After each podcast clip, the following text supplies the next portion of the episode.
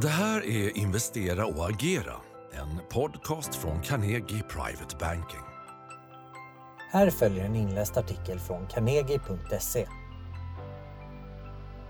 Inflationsrädslan har bedarrat något kortsiktigt och uppgången i långräntorna har pausats. Marknaden befinner sig i ett avvaktande läge, men med fortsatt rekylrisk. I veckans aktiecase har vi vaskat fram en reopening-vinnare med fortsatt potential.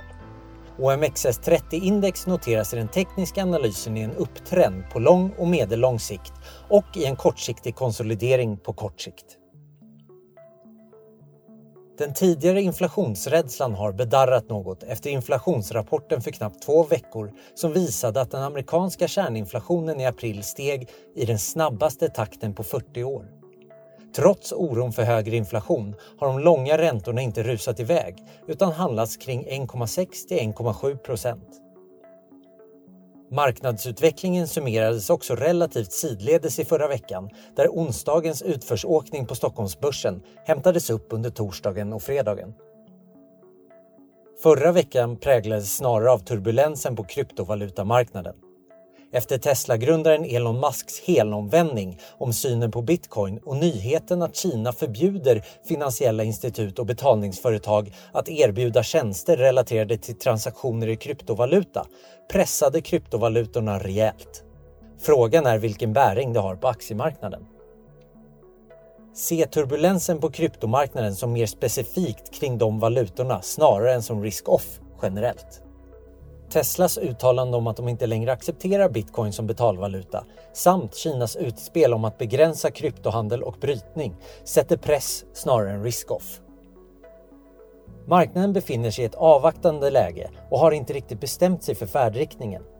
Starka utfall för industri och tjänste-PMI överraskade positivt samtidigt som förra veckans Fed-protokoll avslöjade att flera Fed-ledamöter tycker att det är dags att planera för tapering, det vill säga när och hur stödköpen ska trappas ned. Rekylrisken på börsen är dock fortsatt överhängande. Man ska fortsätta öka kassan kortsiktigt för att kunna köpa på rekyl under sommaren. Därefter bör man vikta upp aktier för att vara med på en förväntad positiv börstrend under hösten. Det finns fortfarande ett uppdämt behov av investeringar och konsumtion när vaccinationsutrullningen börjar bli klar. Den historiskt höga börsvärderingen kan dock i det korta perspektivet motiveras av styrkan i ekonomierna, vinstutsikterna, ränteutvecklingen och signalerna från centralbankerna.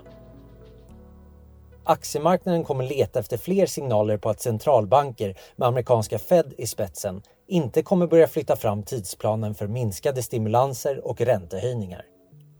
Räkna med ett fortsatt stort fokus på inflationsutvecklingen och kommentarer från Fed kring detta område. Ett annat starkt stöd för aktiemarknaden är fortsatt stigande vinstestimat under kommande kvartal. Hållpunkter i veckan.